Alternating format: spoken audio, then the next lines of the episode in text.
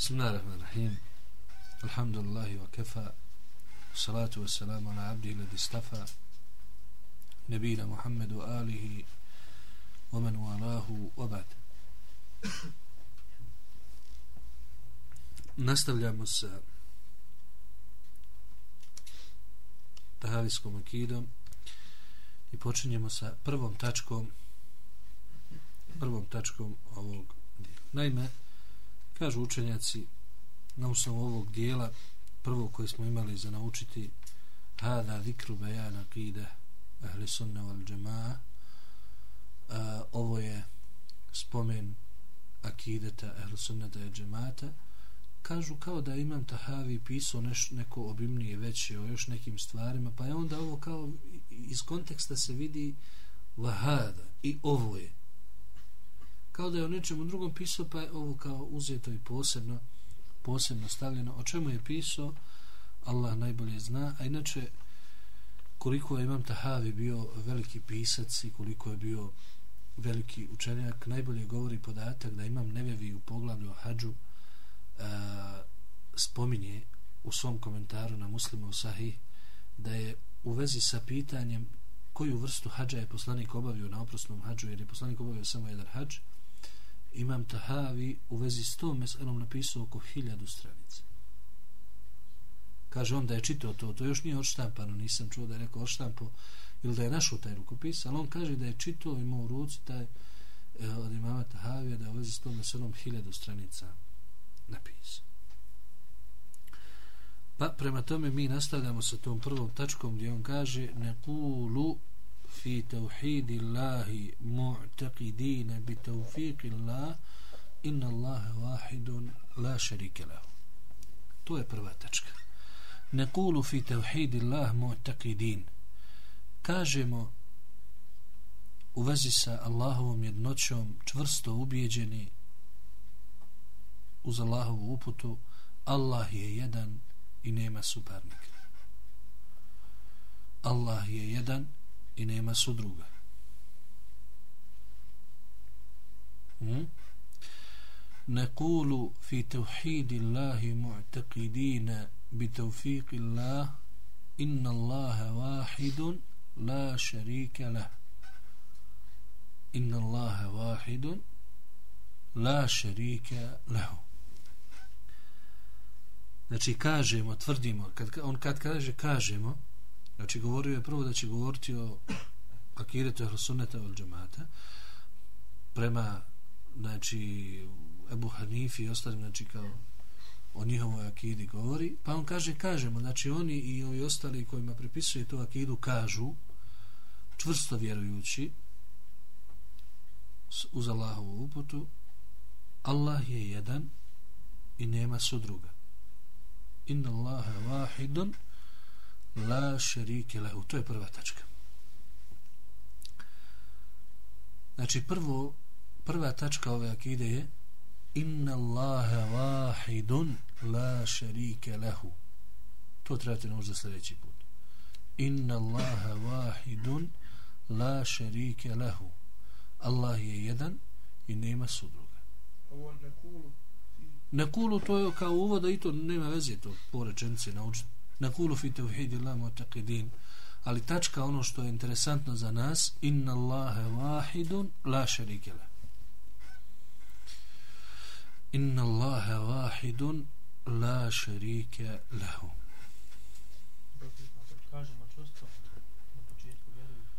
Čvrsto vjerujući s Allahovom uputom Allah je jedan i nema su druga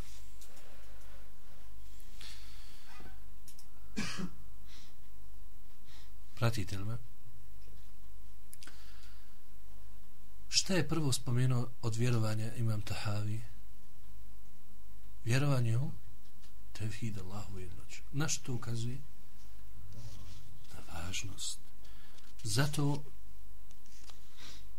zato je to bilo prvo u što su poslanici pozivali Prvo. I to svi poslanici.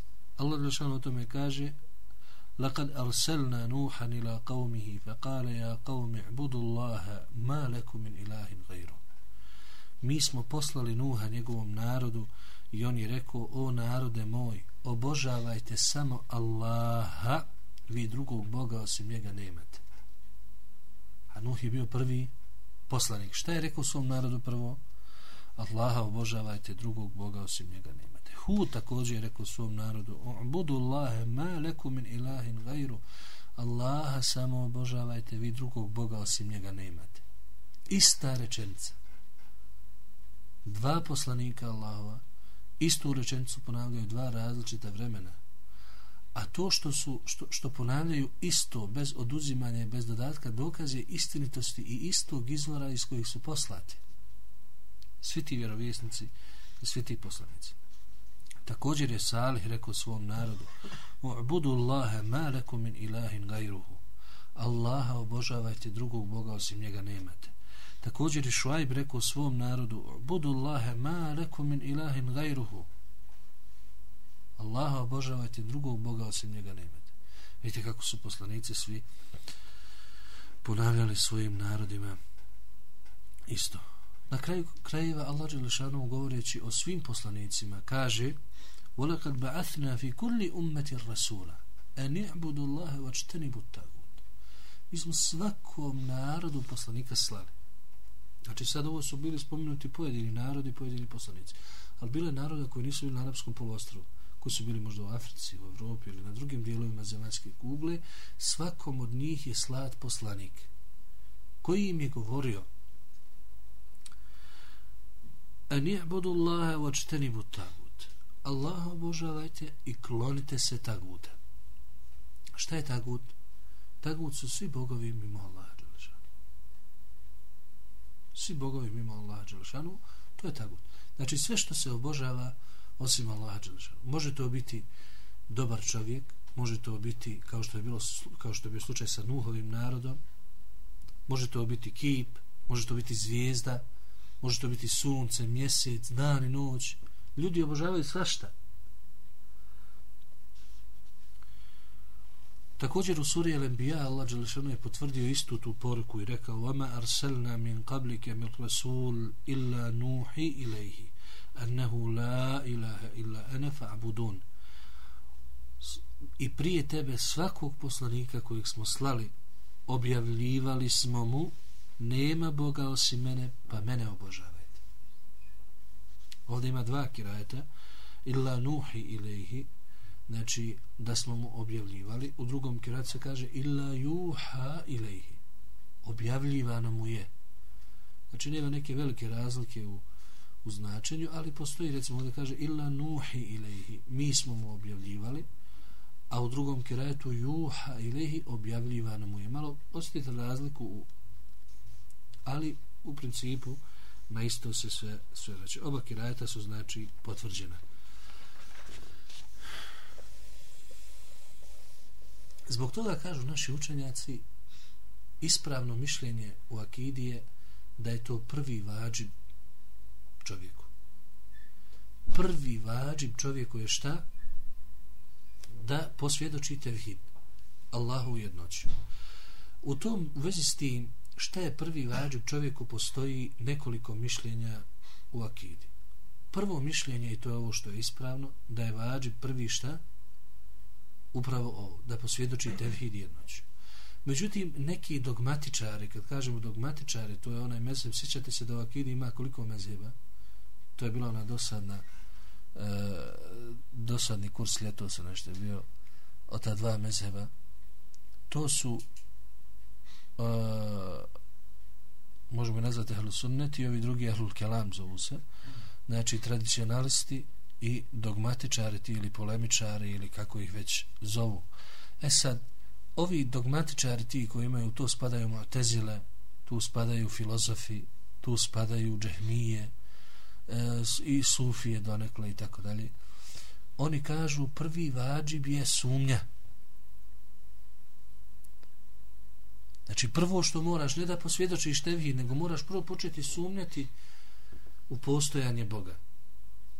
Pa tek onda da ti tražiš dokaze koji će tu sumnju izbrisati i doći do čvrstog ubjeđenja da Bog postoji.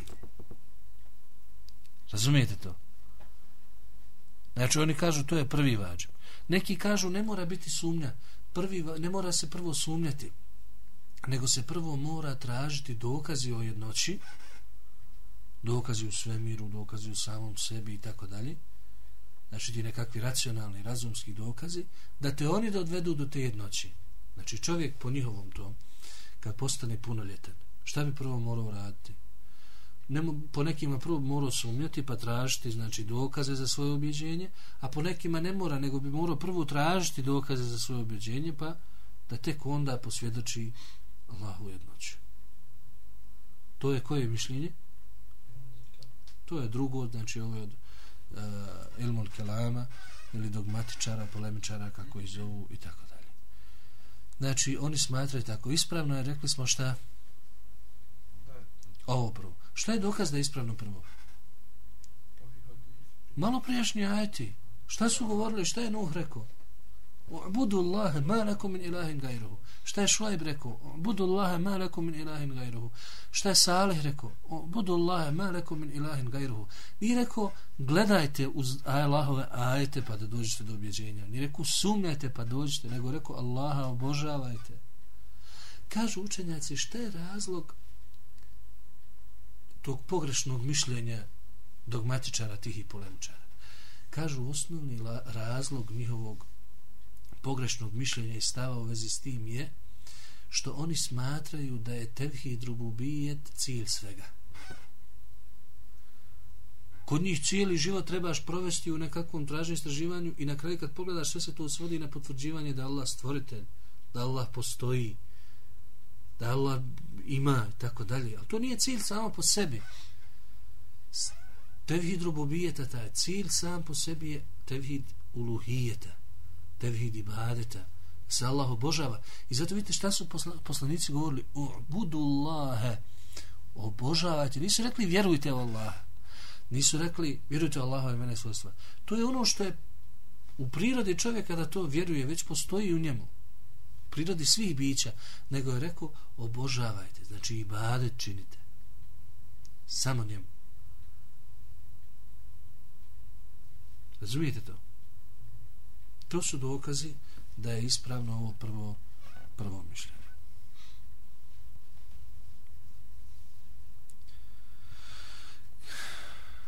Kaže nam ovdje, svi imami prvih generacija slažu se da je prvo što rob mora izvršiti svjedočenje šehadet la ilaha illallah znači svi se slažu u vezi s tim taj zin dobro šta je sa pitanjem ako čovjek izvrši taj vađib dok je maloljetan izgovori šehadet kao maloljetan morali se od njega tražiti da kao punoljetna osoba to uradi, kao što je recimo slučaj s hađom. Hađ, maloljetan čovjek ako bi obavio dijete, on je ispravan hađ. Nagrada za taj hađ ide kome? Roditeljima koji su s njim odšli na hađu. Ali kad postane punoljetan, on je dužan i obavezan ponovo obaviti hađ koji je zadužen islamom, da li sada osoba koja je maloljetna i posvjedošila taj šehadet mora kada postane punoljetna izgovoriti šehadet kao potvrdu tog tevhida i ulaska u islam razumijete o čemu se radi mora li zašto?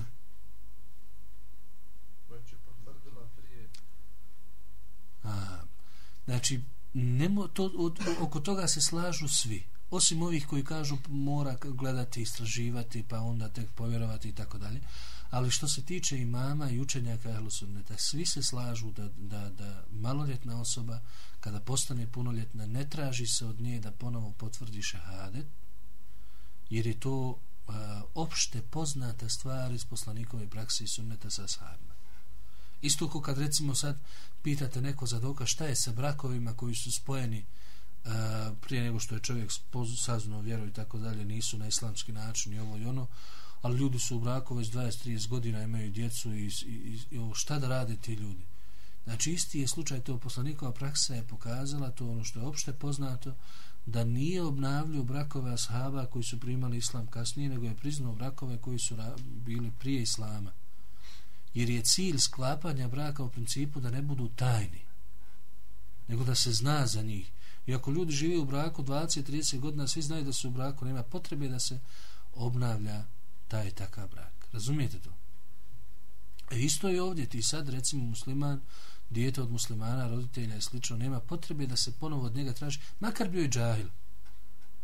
Znači sad recimo mladić ili djevojka ne klanjaju ili ovo ili ono, ali muslimani su u principu, ne možeš, nisu izašli iz vjere svojim postupcima i ostalo, ne traži se od njih da, da kad uđu, kao da tek ulaze u islam, da kažu šehadet ili nešto slično.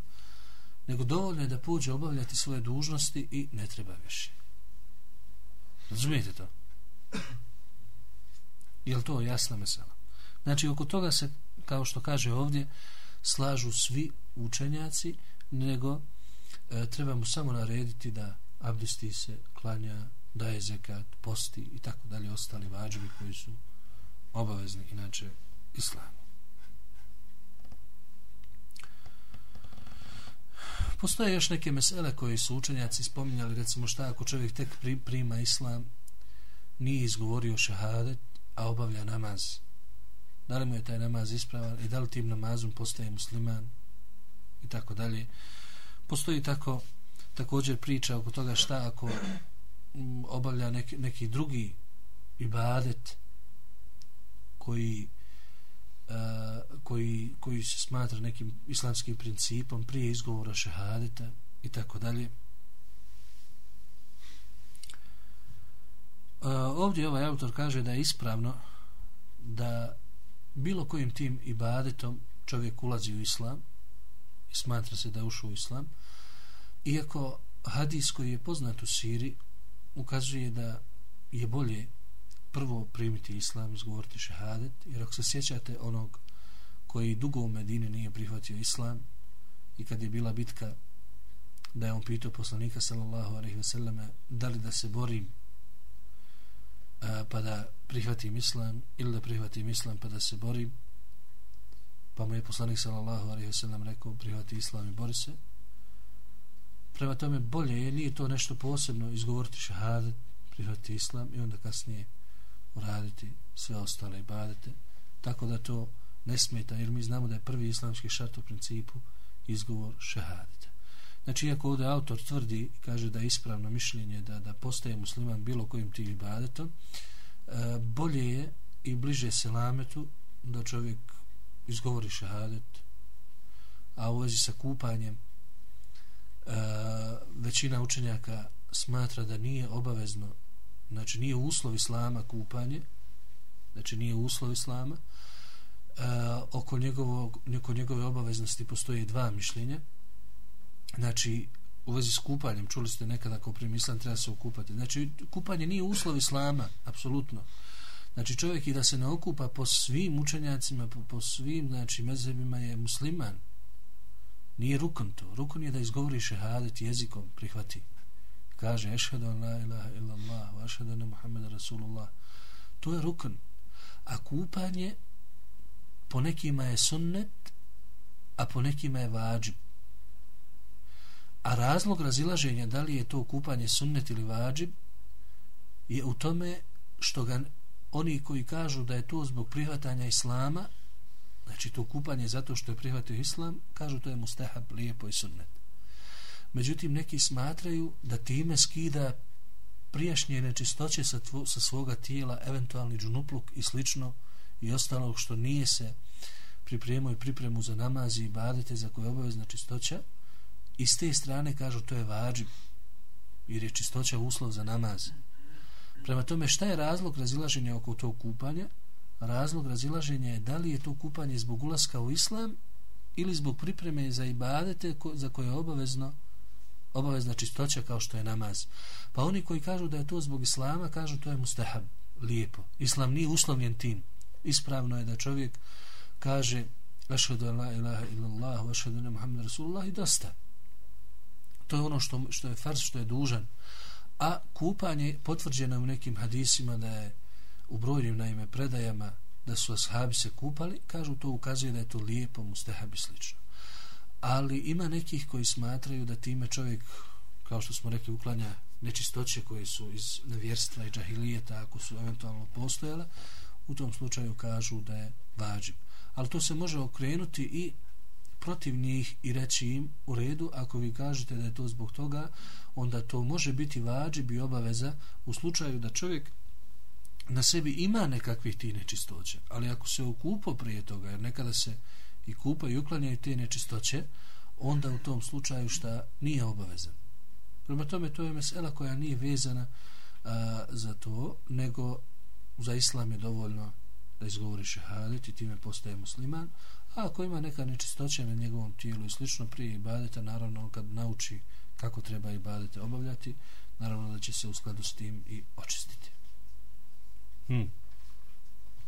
Je li to u redu? Zbog toga kažu naši učenjaci tevhid i Allahova jednoća je prvo što čovjek posvjedoči i uradi u islamu i to treba i obaveza je da to bude posljednje što će uraditi nakon odlaska s ovog dunjaluka.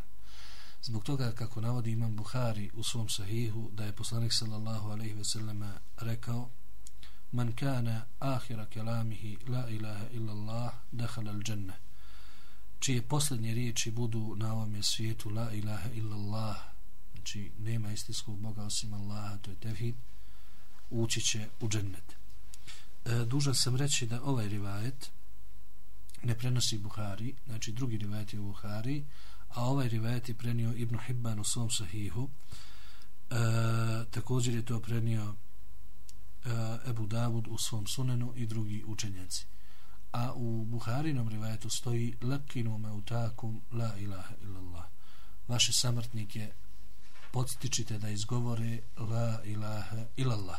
Ovi hadisi ovaj hadis i taj hadis u Buhari koji nas podstiče da, po, da govorimo ukazuju na slabost hadisa koji govore o suri Jasin da, da ga treba učiti da treba učiti suru Jasin kod samrtnika jer kako kažu učenjaci osim što je hadis o suri Jasin slab senedom, lancem prenosilaca, on je također slab i samim tekstom, jer nemoguće je spojiti ta dva hadisa. Ne može se u isto vrijeme kod čovjeka učiti sura Jasin i u isto vrijeme da ga podstičeš i izgovaraš kod njega la ilaha ilaha. Znači u praksi to dvoje ne spojivo.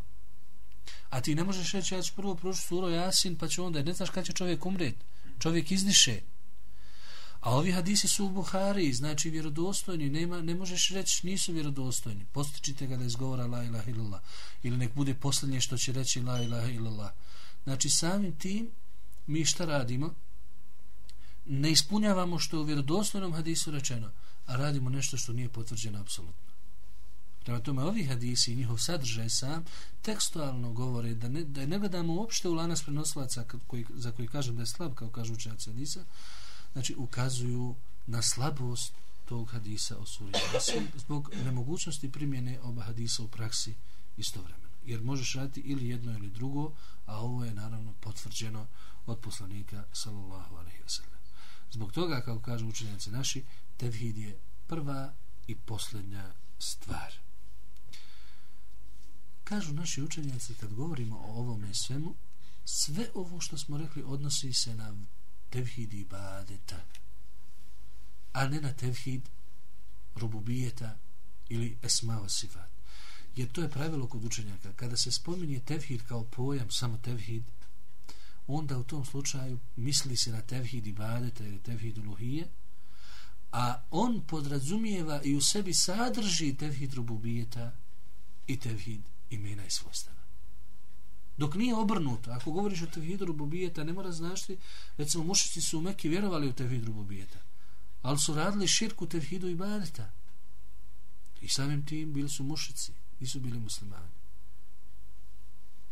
Prema tome, kad se spominje tevhid ovo što smo sad rekli, odnosi se na koju vrstu tevhida, tevhidu lohita, tevhid i badeta, a tevhid, inače, tevhida imamo koliko vrsta, tri. Napišite sad to listu pod naslov i nastavlja dalje autor govoriti o te tri vrste tevhida. Pa ćemo se, ako Boga, podsjetiti, razmijeniti mišljenje i nastaviti za Allahovu pomoć. Može. Kulu kao rehada, astagfirullah, salam.